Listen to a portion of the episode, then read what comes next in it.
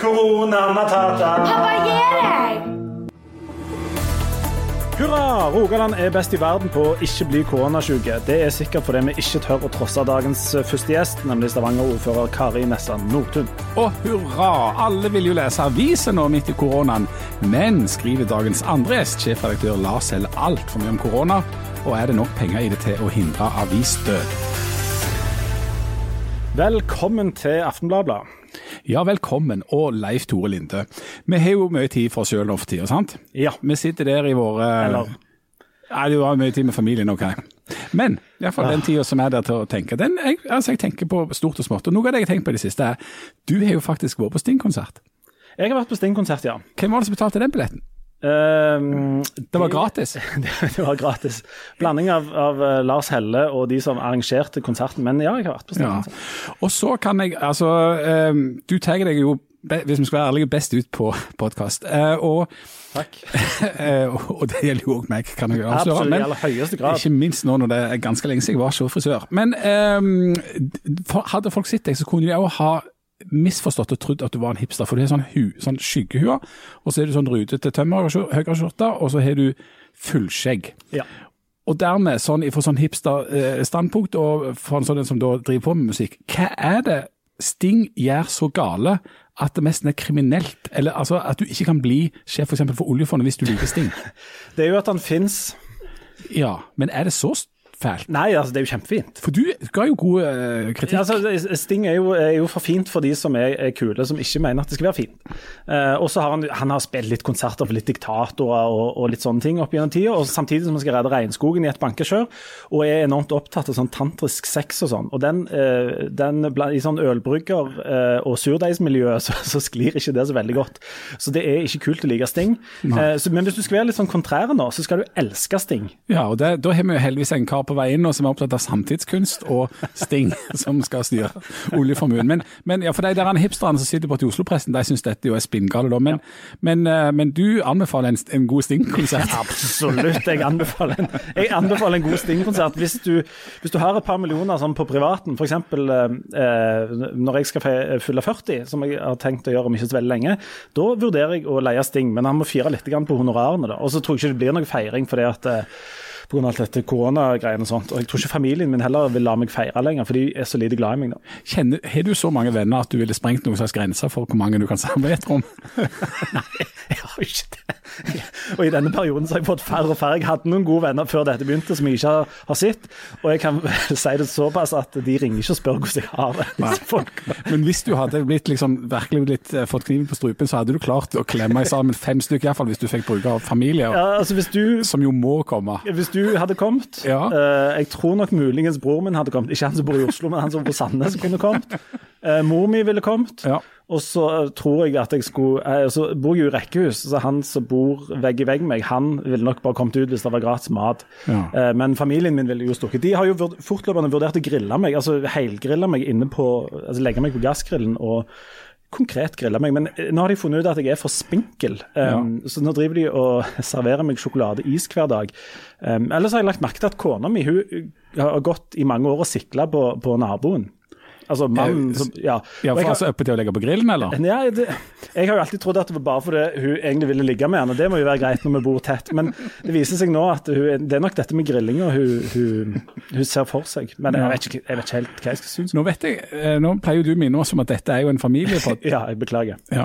ja. Skal vi heller snakke om store, eller så bitte små samlinger med folk? Det skal vi. Fordi at det er jo sånn, Kari Nesse Nordtun, at nå sitter du her, eh, og hjertelig velkommen skal du være, ordfører for. Arbeiderpartiet, og, og hjertelig velkommen.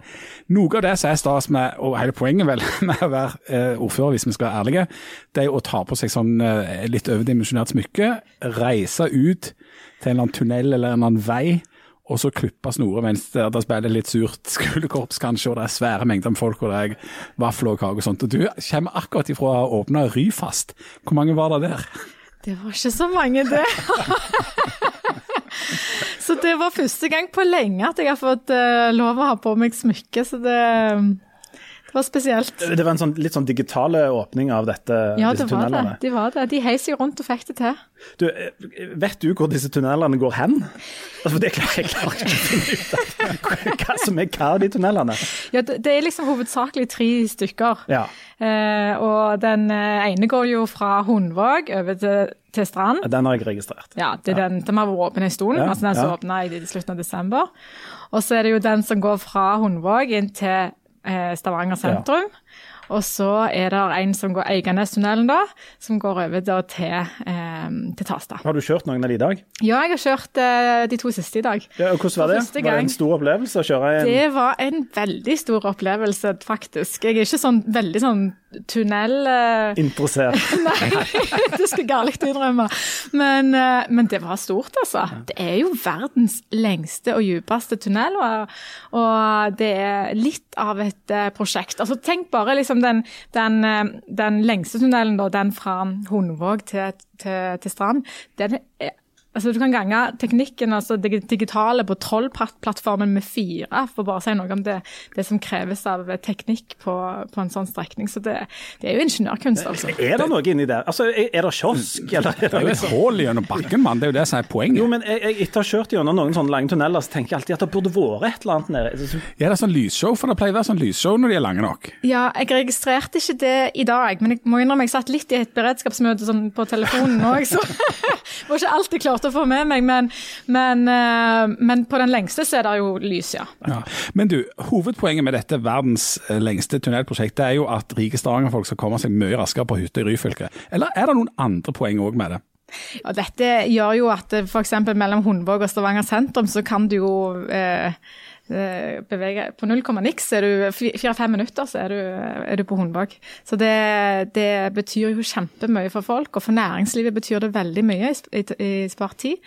Eh, og så betyr det jo mye for eh, klimaet og miljøet i byen, fordi at det sannsynligvis vil være langt færre biler eh, i Stavanger sentrum pga. dette.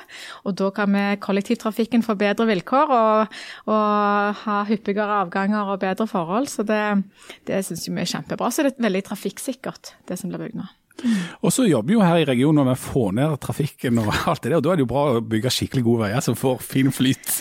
Ja, Det er jo den balansegangen, det. Men vi satser jo på at nå bygger vi opp så voldsomt rundt eh, bussen, sånn at det å satse på den både på drift og infrastruktur og investeringer framover, så jeg, eh, jeg eh, håper at det skal gå den veien. Kan vi, jo, vi kan jo slippe å få alle fra Hundvåg rekende i byen når de egentlig skal bare videre. Det er jo en, mener jeg en kjempefordel.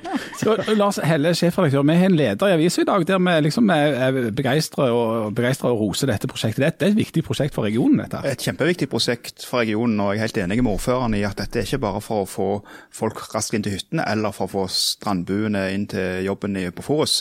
Det handler egentlig om, om utvikling, og ikke minst tror jeg den Hundvågtunnelen betyr mye for Stavanger og hele byutviklingen her. Det er ekstremt viktig, og en stor dag, vil jeg si. Men det alle nå sitter og lurer seg på, det er, er det en nødvendig eller en unødvendig fritidsreise å ta seg en ovale Viken på hytta i Ryfylke nå? Nei, nå spør Nei, altså, det er det, Hun har hytta på Fister, bare så Ja. Nei, jeg har ikke Jeg får låne av, av, av eh, mine foreldre, så jeg har ikke hytte sjøl, men jeg er heldig å få låne av og til. Eh, Men eh, ja, det er jo Det har kommet nye reiseråd nå, da. Ja, det er det. Ja. Han, Så det, eh, det er jeg glad for, for å si Ja. det sånn, for det var ikke så lett å tolke Så hva som var ikke nødvendig og handler mat på veien, og ikke gjør farlige ting, sånn som hogge trær og spytte tak og sånn, så kan du, tror, oppfatter jeg at du kunne dra inn. Ja. Du skal ikke slikke lokalbefolkningen i ansiktet, fikk jeg inntrykk av når Bent Høie uh, snakket om det fantastiske. Du, Vi skal hoppe over på korona. Jeg må bare nevne det at det mange ikke vet, det er jo at Jan er jo en av de mest interessert i tunneler, som i hvert fall jeg kjenner. Han er ekstremt entusiastisk på dette med tunneler, og hadde planlagt en svær europaferie for å besøke forskjellige tunneler. Og han gifta seg faktisk i en tunnel på grensa mellom Sveits og Italia. Og ifølge broren så debuterte han òg Nå, nå, nå syns jeg absolutt at vi skal gå men- videre. Da har du noe å se fram til, for å si det sånn. Ja, jeg gleder meg. Nei, vi, skal ikke, vi går ikke videre. Du, men, um, det er jo litt vanskelig å måle trafikk nå i disse eh, koronatidene. og Skal vi bare hoppe over på, på koronaen med en gang, ja. Det syns jeg vi skal. Det preger jo samfunnet, som det heter. Ja, for, for det var jo sånn at før disse rike folka fra Stavanger tok ovale Viken eh, rundt omkring i Ryfylke på vinteren, da, så reiser vi jo, eller de jo, på eh, skiferie til Alpene.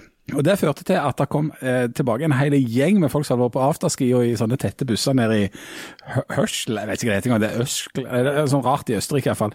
Fodlig korona. Og Det gjorde jo at når denne koronagreia eh, sprakk i Norge, så lå jo Rogaland altså på topp blant mm. fylkene eh, med, med, flest smitta. Vi var nærmest episenteret. Mm. Og så eh, ja, men Kari Nessa Nordtun, hva tenkte du da, når det gikk opp for deg at her er det en epidemi på gang, og Rogaland har flest smitta? Mm. Nei, det var jo veldig alvorlig. Eh, og vi hadde jo jobbet eh, over lengre tid i beredskapsledelse. Vi satt faktisk eh, på administrativt nivå beredskapsledelse i slutten av januar, altså to måneder før første tilfelle var registrert i Norge. Så vi var jo klar over at det ville komme, men at vi skulle få det så voldsomt etter vinterferien eh, visste vi ikke da. Vi, og vi begynte jo òg å mistenke tidlig at Østerrike var en, var, var, kunne være en kilde, og, og, begynte jo å teste det uh, tidlig før. Så da var Stavanger ganske godt rusta når det kom? Ja, så godt som vi kunne være, vil jeg si. Eh, så vil jo, Vi skal jo sikkert gjøre en revisjon en gang om hvordan vi har håndtert dette her, men eh, vi, så godt som vi kunne. Og vi hadde jo jeg var jo forholdsvis fersk i stolen, men vi hadde jo en sånn eh, flyplassbrann òg noen måneder eh, før eh, dette.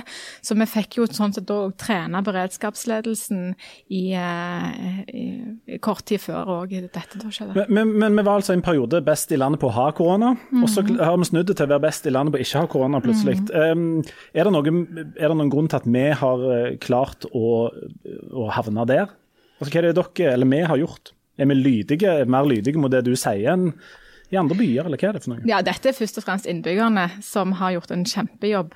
Eh, og så har eh, med, med smittevernlegene òg har gjort en kjempejobb. Eh, beredskapssjefen og, og, og, de ansatte og lederne og, og, har vært flinke å formidle det til de ansatte. Om de ansatte har vært villige til å omdisponeres, eh, jobbe andre arbeidstider, kansellere ferie osv. Så, videre. så dette har vært en, en kjempeinnsats. Men, men, dette må de jo ha prøvd på i alle plasser i hele verden. Mm. Eh, er, dette en fordel med å, å ha store hus og store hager? Av at man bor ikke så tett der. Altså Det er en by, men, men uh, vi trenger ikke å Ja, jeg tror absolutt at det kan eh, Det sier de jo eh, medisinskfaglige sier jo at det, det, hjelper. At vi klarer å lettere isolere oss. Og så var det jo sånn at de som ble eh, kanskje smitta tidlig, var eh, jo altså, folk som nok tidlig så at de burde isolere seg. Og, og, og vi har jo denne kulturen litt sånn i ryggraden hos oss, HMS. sant? Det, det Olje- og gassindustrien har tatt det med seg, og det ligger, ligger innebygd hos oss i Stavanger, så det kan vi. Ja.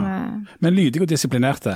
Og nå Lars jeg vet at dette er noe av det du liker aller minst, hver gang jeg trekker fram at du egentlig er anarkist. Men um, du syns vi er litt over grensa lydige? Uh, av og til så får jeg litt sånn uh, ja, reagerer litt eller hopper litt i stolen over dette. her da. Men jeg tror ikke, jeg tror ikke bare det, det at uh, rogalendinger er lydige og disiplinerte, men de forstår når det er alvor. Mm. Så du trenger liksom, De trenger ikke få et påbud fra ordføreren eller noen andre. De forstår når det er alvor, og de er ganske flinke til å innrette seg til det. Jeg mener Vi har sett det i andre kriser, f.eks. oljekrisen for fem-seks år siden òg, at, at, de forstår hva det handler om. og Istedenfor å, å, og vente på at noen sier noe, så mm. syns de det er greit å få noen råd, men de, men de, de gjør det de forstår de må. må. Mm. Så jeg er helt enig med ordføreren at det med HMS-kulturen tror jeg er, noe, er, er, faktisk noe som er blitt en del av virkeligheten her. altså. Mm. Det, folk skal jo parkere den rette veien på parkeringsplassen på jobben og sånn. Så helt, folk har en helt annen tilnærming til det. Så kan det selvfølgelig ha med som du sier, vi har kanskje litt bedre plass her. Det, folk bor i hus eller rekkehus mm. i mye større grad enn i de andre byene. Men det viktigste som viser at, at vi har tatt det på alvor, det er jo at jeg, jeg så på fjernsynet her en dag, I Stavanger så er det ikke registrert ett eneste smittetilfelle på sykehjemmene, mm. som jo har vært det største, største problemet i andre byer. Mm. Det er jo en utrolig prestasjon. Det er nesten mm. ikke til å fatte. Det kan jo indikere at eh, at vi ikke bare har gode planer, men har klart å sette det i verk. Det er, nesten, det er godt gjort, altså. Så langt. Ja, og det, det har de ansatte gjort en kjempejobb. Og det var jo vanskelig tidlig å begrense besøk, f.eks. Pårørende som trenger å besøke Eh, de nærmeste. Eh, men vi, vi, vi, var nødt til å bare skjære, altså, vi var nødt til å bare gjøre det uh, føre var. Så, så det Men Hvor mye av dette her kan dere, eller har dere bestemt selv, og hvor mye av det har dere måttet vente på pålegg fra sentralt hold? For nå er det, det er mange diskusjoner nå på hva som kan gjøres her. Altså i, i en by, i et fylke, i landet og sånt. Hvor hvor mye av dette tar du æren for, hvor mye av det skal vi vinke til Bent Høie for? Nei, det, det skal jeg ikke mene så mye om, men jeg kan si noe om hvordan vi har jobbet litt, og hvordan vi har eh, litt av det vi har tenkt. Jeg kunne jo holdt på i dagevis, så jeg skal prøve å være, ta det viktigste hvis jeg klarer. Men, men, eh, men eh, vi har jo forberedt oss på det verste i beredskapsledelsen. Det er jo litt av beredskapstenkegangen òg. og jeg kjenner jo liksom, som har kanskje kommet litt fra den Utøya-generasjonen, at det, det utenkelige kan skje. ikke sant? Å forberede, forberede seg for det. Så, så, det har vært viktig eh, for oss. eh, Og i tidlig fase så gjorde vi jo egne vedtak kommunalt. Og vi samarbeider med nabokommunene. Eh, Vi så behovet. Vi var tidlig ute og sette grenser f.eks. på 500 eh, på arrangementssida, og FHI kom etter. Eh, Og vi sa dette med bussene. Vi hadde ikke instruksjonsmyndighet over bussene, ikke sant, Columbus, men vi, anmodet Columbus om å, at ikke åpne opp for stående inne på bussen, for det ikke skulle være så trangt, og at det skulle bli mer avstand. Og dette med cruiseanløp. De kan få lov å legge til, det har vi ikke rett til å nekte dem, men de får ikke lov å gå i land. Med mindre de skal bare ha varer. Eh, Sånn at eh, Eh, det var enkelte sånne vedtak som vi gjorde lokalt i tidlig fase. Og så var vi jo glad for at regjeringen, for de har jo et langt større folk, mer folk som har kompetanse innenfor smittevern eh, til å lene seg på, at de kom på banen. Vi bestemte oss jo òg for å stenge skole og barnehage, og det var et kan jeg si som ordfører, et heftig døgn. Eh, eh, og, det, du har unger sjøl som er sånn i, har blitt nedstengt og utestengt fra institusjonene? Ja, ja, ja, men det var ikke, det var ikke helt fordi Eller jeg var, ikke, jeg var ikke nervøs fordi jeg var mer eh, i forhold til spredning. Mm. Det er jo det vi tenkte på. Så jeg hadde mye kontakt med Oslo og Bergen, eh, i, eh, og det har jeg fremdeles òg, de andre storbyene i denne fasen her. Vi lærer av hverandre og, og har felles problemstillinger. Og når dette smalt, så eh, har Folkehelseinstituttet i ettertid sagt at de tror at hver smitta person smitter 2,4 eh, andre personer. Og så eh, anbefalte egentlig Folkehelseinstituttet at den skulle komme ned i 1,3 for å ha kontroll på smitten, mens politisk bestemte altså regjeringa at den ville ha mindre enn 1,09. Per i dag så sier Folkehelseinstituttet at at den Du er uttale det, Jeg- jeg klarer ikke det. Altså, det blir utrolig mange som staver så- altså, Det er så mye som stemte S-er. Folkens FHI. FHI. FHI sier nå at, eh, at eh, smittetallet nå er nede på 0,7 nasjonalt, men i Stavanger og i Rogaland så er det jo nede i sånn 0,3.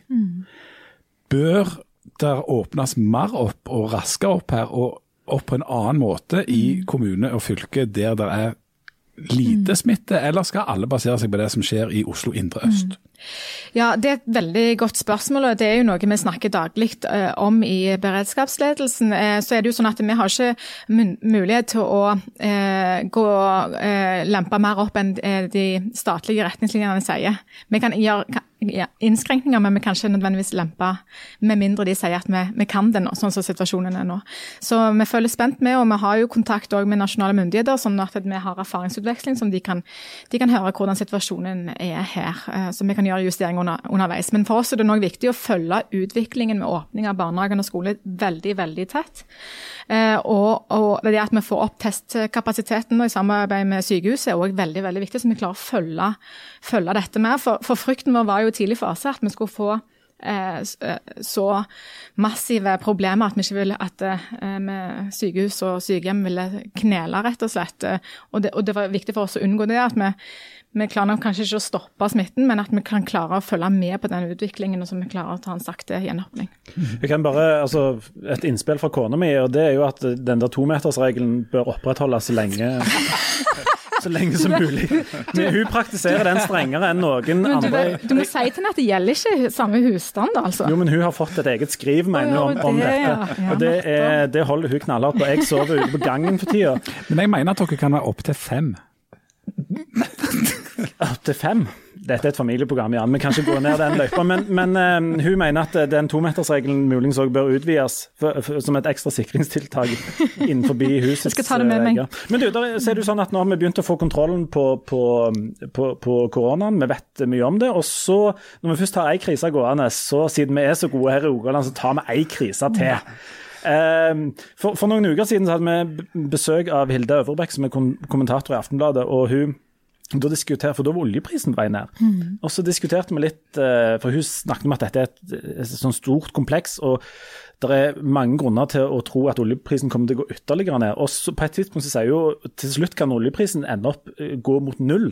Og da tenkte jeg OK, nå må du slappe av. Og så var det for et par dager siden så kunne du altså kjøpe amerikansk olje hvis du kjøpte et fat, så fikk du 20 dollar, og det var liksom helt ko-ko. Og vi vet at oljebransjen er ganske hardt rammet av mange ting samtidig her. Um, og det er ganske mange her som lever uh, direkte av oljebransjen, eller som altså av konsekvensene av det oljebransjen har gjort her. Um, er det ikke herlig å være ordfører i en tid der du har et par-tre kriser gående samtidig? Altså, Vi skal være glad det er fint vær nå, ellers hadde det Ja. Gratulerer. ja. Hvor, mye, hvor, hvor, hvor alvorlig er den kombinasjonen av korona og olje? Det er jo veldig alvorlig. Eh, men nå er det oljeprisfallet, sant. Mm. Du har jo det inn i miksen der. Så det, det er Ja, det er veldig, veldig alvorlig. Og jeg må jo si at året begynte jo utrolig bra. Vi hadde kjempegode skattetall og arbeidsplassvekst og innbyggervekst og det Ja. ja. Det snudde, for å si det sånn. ja, det snudde. Og eh, Trond Birkedal skrev en tekst i Aftenbladet i helga, vel, omtrent. Ja. Um, han er tidligere vært etter dere og ment at dere ikke har råd til uh, å bruke så mye penger som mm. dere har brukt. Men så ble det jo gode skattetall, alt dette her. Mm. Men nå mener han at nå er jo det handlingsrommet blitt enda mindre og enda trangere. Altså For Stavanger kommune helt sånn konkret, det at oljeprisen går ned og at det blir mindre penger blant folk og at det er mindre økonomisk aktivitet, det betyr mindre penger i kassen for dere, mindre handlingsrom. Ja, Hvordan skal dere manøvrere det? Hvordan vil folk merke eh, disse økonomiske krisene i mm. Stavanger kommune, eller i Stavanger-regionen i det hele tatt? Det, det er tidlig å, å, kunne si så mye om det, men, men, vi frykter jo at det er mange som vil miste jobbene sine. Eh, så nå er det viktig nå, som det vi har gjort, eh, eller det Stavanger har gjort, er at eh, nå har tatt initiativ til å, å etablere, reetablere sånn energi- og oljenettverk som blant mange kommuner i, i Norge. Og nå er det 36 kommuner som har signert på det, kom flere til i dag. Hvor en eh, peker på tiltak som hvor de nasjonale myndighetene kan hjelpe eh, olje- og gassbransjen, og spesielt da leverandørsida, sånn at vi får sikra arbeidsplassene, får sikra verdiskapning og får sikra næringsvirksomheten. Så det, det, er jo sånne tiltak vi kan bistå med, og, og sånn at produksjonen holdes oppe. Så må vi følge utviklingen nøye. Jeg vet at eh, økonomene i Stavanger kommune jobber mye med det for å få en oversikt over, over de ulike tallene. Så handlingsrommet det blir, det økonomiske handlingsrommet blir jo mindre i sånn tid, så, så dette det forventer vi. Og så er det jo ganske store og tunge eh, ting dette er, altså mm. sånne oljepris og konjunktur i verden og sånt. Det er grenser for hvor mye Stavanger kommune kan gjøre med det. Ja, og vi har jo ikke de økonomiske musklene til å kunne bistå med tiltak sånn som f.eks. staten har, som har oljefondet. Eh, så vi gjør det vi kan lokalt. ikke sant? Vi er rause med å utsette eiendomsskatten. Vi kan, eh, og når vi er utleier, så vi er forsiktige med å Vi gir utsatte frister forbi det. Vi hjelper enda mer på med søknader og innvilger og gir dispensasjoner. Og, og ja, sørger for at vi Det skal ikke stå på oss, for å si det sånn, at, at, at det, det stopper opp. Men, ja, for og legger forholdene til rette for å tenke nytt i næringslivet. Dere kan jo ikke ringe til dette markedet og be de ta seg sammen og, og bli enige om en oljepris på 60. Det må vi jo bare leve med, med sånn som det er i verden. Mm. Må, men, men det er jo òg altså, dette med sånn motkonjunkturtiltak, altså mm. holde aktiviteten oppe. Mm. Er det en idé å f.eks., og dette, bare, dette kan du ta med deg, skal få den ideen gratis, lage noen tunneler eller et eller annet grave? Jeg tenker kombiner, Få litt bedre kontakt fra f.eks. Kjensvoll til Madla. Litt sånne ting. Vi har jo eh, Rogfast, da. Den er kjempeklar. men, men, vi klarer ikke å holde følge med hvor disse tunnelene går. Jeg frykter når jeg skal kjøre ned i det der mirakelset oppe på Skankeholen. Jeg klarer ikke å stave Skankeholen, det, vi begynner med det. Så skal du kjøre ned der og aner ikke hvor, hvor jeg kommer ut. Det kommer til å bli fryktelig. Bli fryktelig Har du planlagt noen tunneltur? Ja, absolutt ikke. Jeg, eh, jeg har vært så mye i tunnel før. Du så interessert i Jeg tenker sånn, jeg har jo sett en tunnel, så har du sett en tunnel. tenker jeg. Ja, ja, ja. Du, um, meg og deg, Jan, vi jobber jo enn så lenge i media. Ja, enn så lenge. At ikke vi har fått fyken for lenge siden, til og med i gode tider, er jo et mirakel. Ungene mine spør ofte hvorfor er det noen som betaler deg for å holde på med det du gjør. Der har jeg ingen gode svar. ikke et eneste. Men, eh, men Lars, når, når Norge ble, altså de dagene når Norge ble stengt ned, så uh, føyk jo folk hjem. Og så uh, klikka de seg inn på internett for å se TV-sendinger, lese aviser og sånt. Og um, det er det ganske mange som har gjort. Kan du fortelle litt om hvordan, for Aftenbladets del, da, hvordan har tallene vært i denne koronatida? Ja, Det er jo en av de aller største nyhetshendelsene som har vært i dette århundret så langt. Og det merkes på folks interesse for det. Vi ser jo NRK fortsatt kjøre eh, sendinger hele dagen. Og fra Aftenbladet fra dag én, i alle fall fra 12. mars, når, når regjeringen begynte disse nedstengingstiltakene, så ble det tidvis dobla og tripla lesertall hos oss. Folk leste mer saker, var lenger inne på sakene. Og, og eh, jeg forsto òg at iallfall de første ukene når folk fortsatt var, når det var butikker åpne, at folk gikk ut og kjøpte flere aviser i butikkene. Både hos oss og på andre aviser. Så det, det fikk et voldsomt oppsving, det er ingen tvil om det. Hvordan er balansegangen mellom å speile dramatikken, som jo mediene skal gjøre, og å få det til å bli å overdramatisere? For eksempel, så er det jo sånn at For et par-tre år siden så var det sånn at der døde visstnok rundt 1800 i influensasesongen i Norge. Det slår vi jo ikke opp. Vi skriver ikke opp om, om, alle som dør eller om alle som blir smittet. eller noe sånt. Mens nå er det per omtrent i dag så er det dødd rundt 180 av korona i Norge. Altså 10% Eh, vi, vi, rapporterer hvert eneste omtrent smittetilfelle, har egne tabeller for det. Vi er veldig nøye på alle dødsfall det er. Um, all, alle ting som går på en måte opp eller ned. altså Vi er veldig veldig, veldig tett på. Og Hvis det skulle skje noen sånne, eh, sånne unntak fra på en måte hovedreglene, altså hvis det er noen som har blitt unge som har blitt smittet eller har blitt veldig alvorlig syke, mens en tidligere snakket om at det er de eldre, så slår vi det veldig opp. altså Hvor, hvor ligger balansegangen mellom å få fram det dramatiske og overdramatisere? Eh, nei, Det er jo alltid vanskelig å si det. Jeg, jeg, jeg er kanskje ikke den rette til å dømme det, men jeg syns vi har klart det ganske bra. Det er jo eh, det er vanskelig å sammenligne med en influensa, som jo er et sånn gjentagende fenomen som hver, kommer hvert år, og som kanskje ikke angår hele samfunnet på den måten koronaen gjør. For det angår hele samfunnet. Alle er berørt, enten med at de er smittefare selv, har blitt smittet, kjenner noen, og ikke minst fordi at de ikke kan gå på jobben, ikke ta, reise på ferie, ikke gjøre noen ting. Uh, så, det, er jo det spesielle. Det er en helt unik situasjon. Og så kan du si, Hva er viktig? Er det å rapportere hvert smittetilfelle? Er det å, ja, for en av de siste, ta de siste dagene, så En av de mest leste sakene i Aftenbladet er jo det snopet som ikke kom fram på sykehuset. En relativt kuriøs sak, men det bare forteller fortelle alle de aspektene med sånne ting òg. At folk vil ha egentlig alle sider av dette. her da. Så, så, men det er jo, en, det er jo en, en, vektlegging, og folk har jo begynt å følge med på disse statistikkene. De vil ha oppdateringene. Jeg kjenner selv, jeg går og venter på hva, nå er klokka tolv, nå kommer det vel noe nytt fra FHI, Folkehelseinstituttet. ja, veldig god uttale. Veldig god uttale. Nei, jeg er i ferd med å miste språket mitt, det er en skandale. Men eh, blant det der med å ha ulike kilder og ulike meninger. Eh, vi skriver jo i avisa da hvis det er ei mor eh, som har noen unger eh, på Sandnes som ikke er ekspert i folkehelseinstituttaktige ting, eller eh, epidemiologi. Oi, oi, oi. Uh! som er nervøse for å sende ungene på skolen. Det skriver vi om. Uh, altså, de, de, som skiller seg ut, eller som ikke er eksperter, men som er bekymra, hva slags vekt skal de ha mot f.eks. FHI?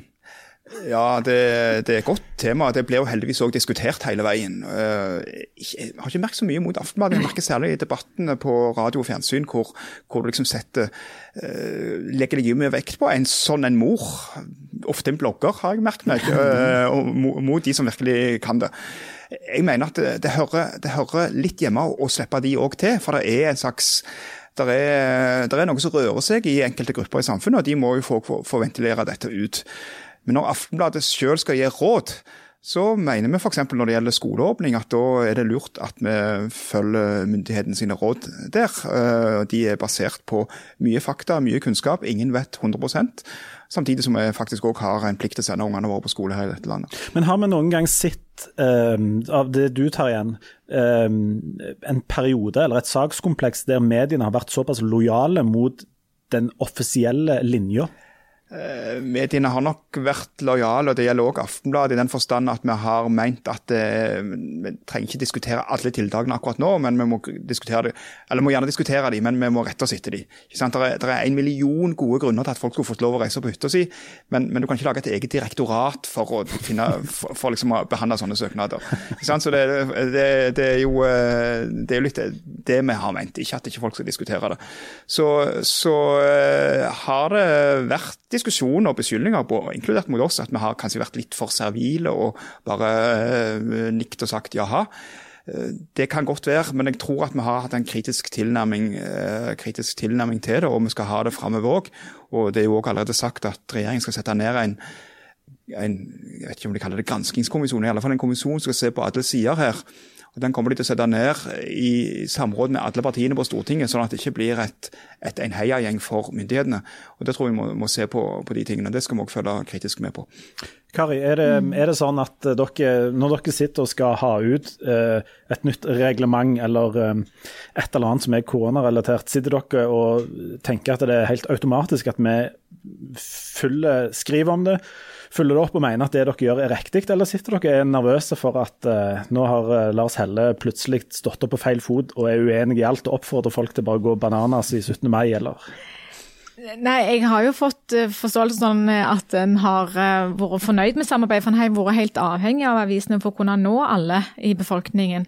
Sånn det, det, det, har vært viktig for oss å nå alle grupper med informasjon der ute. Og der er media kjempeviktig, og Stavanger Aftenblad har spilt en stor rolle med å komme ut informasjon i tidlig fase. Så vil jo, som Lars inne på, historien vise om, om det er de riktige beslutningene som er blitt tatt. Og med kontrollutvalget i Stavanger også, som er leder av opposisjonen, har bestemt seg for at de ønsker å eh, ha en revisjon på hvordan vi har håndtert dette her. Så, når det ble tatt så mange beslutninger, både store og små, så er jo det er jo en sannsynlighet for at noen av de er feil. Altså, det må vi bare være ærlige på. No, noe feil har vi nok gjort. Eh, og men, noe har vi vurdert feil i Aftenbladet òg, bare for å si, si, det med en gang. Det ja, Snakk for dere sjøl. Jeg har ikke gjort noen feil, eh, tror jeg. Tenkte på dere to. Nei, jeg vet ikke hvor langt tilbake vi skal gå. Jeg hadde, jeg hadde en litt svak tale i min egen konfirmasjon, husker jeg.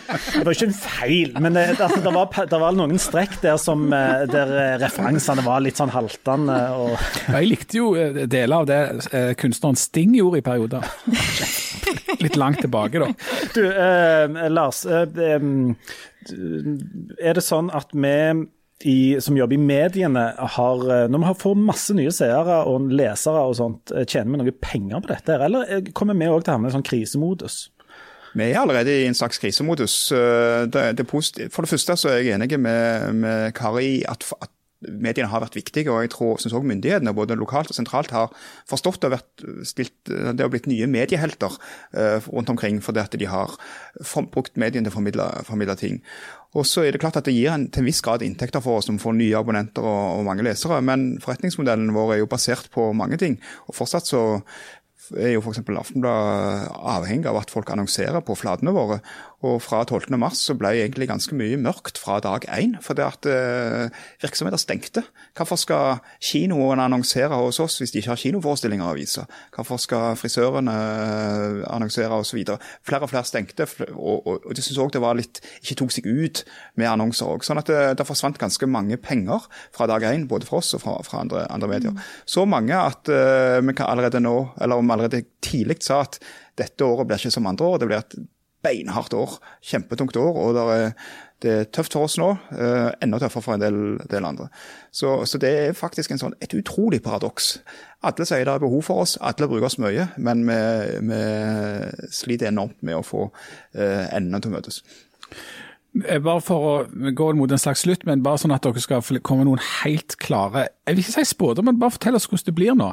Kommer det raskt tilbake og går rett opp igjen eh, som er tilbake sånn som det var, eller Tror dere dette kommer til å vare lenge og få langvarige konsekvenser både olje og korona nå framover? Kari, først, hva tenker du? Ja, Det er et stort spørsmål du stiller nå. Men, veldig enkelt og konkret. Ja, jeg må bare si vi jobber eh, døgnene, altså hele døgnet for at vi skal eh, få minst mulig skadevirkninger av, uh, denne situasjonen. her, Men det har jo handla om å trygge innbyggere, gi best mulig omsorg til de som trenger det, samtidig sikre at vi skal ha noe å leve av nå og når dette er over. Så det er missionet, og, og vi kommer til å jobbe senere for å, å, å sikre det. Eh, og på alle nivåer som vi kan bidra. Så er det sånn at jeg håper jo at Vi vet at vi er bare i starten av et maraton. og jeg håper at vi får kontroll på situasjonen sånn som vi har nå, at det vedvarer. Men det kan plutselig komme en kjempeoppløsning her i Stavanger òg. Og da må vi være klare til å sette inn tiltak hvis vi trenger det. og at vi, at vi har kapasitet til å ta imot de som blir syke. Så det, er vanskelig, det er vanskelig spørsmål du stiller, men vi skal, vi skal gjøre så godt vi kan, kan jeg love deg. Og så håper jo om et år at eh, vi er tilbake til, til normalen, til der vi starta i fjor, med gode skattetall og god, god innbyggervekst. Og Vanlig influensa. Liksom. Ja. Du Lars, du, du, sa jo hos oss for eh, ja, det begynner å bli en del uker siden at eh, ja, du var positiv og håpte at vi skulle få feire 17. mai sammen. Jeg håpet du hadde glemt det. ja, nei, Vi glemmer ingenting. Særlig det, når andre folk tar feil, så er det nokså det har jeg lært av kona mi, at det må du huske på. Notere deg ned, og så ta det opp igjen. Men eh, det, det, blir vel ikke To dundrende feil. Det ja. jeg. Mm. Men Um, tror du, hvis du skal tippe, dette blir jo bare tipping, tror du at, vi, at dette er det som er nå, er det mest normale vi kommer tilbake til i løpet av året, eller tror du det løsner enda mer? Jeg tror det løsner enda mer. Jeg tror at bl.a. folk kommer tilbake på jobb, men de må holde mer avstand og være ekstra nøye med hygiene. fordi da hygienetiltakene, De grunnleggende tiltakene de tror jeg kommer til å leve med oss en god stund, akkurat som de gjorde under, under svineinfluensaen, som ikke ble så dramatiske for landet. Eh, så viser det seg at folk opprettholdt håndhygiene lenger. Jeg har sett tall som viste at, at eh, sykefraværet i barnehager, både blant ungene og blant de ansatte, gikk ned i et helt år etterpå. Mm. Uh, og, det handler om at de beskytter seg mot mange, mange sykdommer. Så akkurat sånne ting vil, vil si. Og så tror jeg at, men, at ting vil rette seg opp, i alle fall på høsten. Men mulig jeg er for optimistiske nå igjen. Og så tror jeg igjen at Norge er robust samfunn. Vi har mye penger, vi har gode strukturer, vi har høy, høy tillit. Det betyr at alt blir ikke, mye vil bli som før. Eh, vi blir kanskje flinkere til å ha litt videomøter og sånn, men vi kommer til å være litt annige til å se folk òg. Så, mm. så, så, jeg tror faktisk vi, vi har muligheter her i samfunnet til å ta med oss det positive dette måtte ha ført til, men først og fremst så vil vi kjenne igjen uh, hverdagen ganske fort. Mm. Leif Tore Linde, tror du at det er en sjanse for at det blir en skikkelig Sting-konsert i Stavanger før jul? Nei, det håper jeg ikke. Jeg håper ikke det. Og så har jeg et lite siste spørsmål til Lars. Hvis, du, hvis det blir så knepe her i Aftenbladet at du må si opp enten meg og Jan, hvordan skal du fortelle Jan at han ikke har jobb lenger? Ville du gjort det på et møterom, offentlig, eller hva? Nei, en videokonferanse med litt sånn uh, skrukkete lyd. Jeg har en gammel uh, vinylplate med The Police, som jo Sting var medlem av. Han kan få, han kan få den på veien ut? den på veien ut som en sånn sluttpakke. Ja, men det høres fint ut. Ja. Du, med... men jeg har noen av de, jeg har det meste av de policeplatene sjøl, så det må være litt sjelden. Selvfølgelig, du har jo så dårlig smak at det ligner ingenting. Men det er greit. Du, Vi takker hjertelig for oppmøtet, både Kari og, og Lars. Og nå helt til slutt så skal, dere, skal vi avslutte på en måte vi aldri har gjort før. Det er nemlig at Nå skal dere få høre ordkunstneren Jan Zahl si epidemolog i Folkehelseinstituttet så mange ganger som han klarer. Rekt dikt. Og når han ikke klarer å si det lenger, da er det slutt. Så er vi tilbake om ei uke. Vær så god, nå skal Jan Zahl lese sitt uh, siste dikt, 'Epidemolog i Folkehelseinstituttet'. Vær så god. Epidemolog i Folkehelseinstituttet. Every breath you take Nei, du må lese selve greiene. Every move you make Dette skal seg fullstendig. Jeg kjenner ikke på teksten. Folkehelseinstituttet, I'll be watching you. Det var faktisk verre enn når Sting synger sjøl.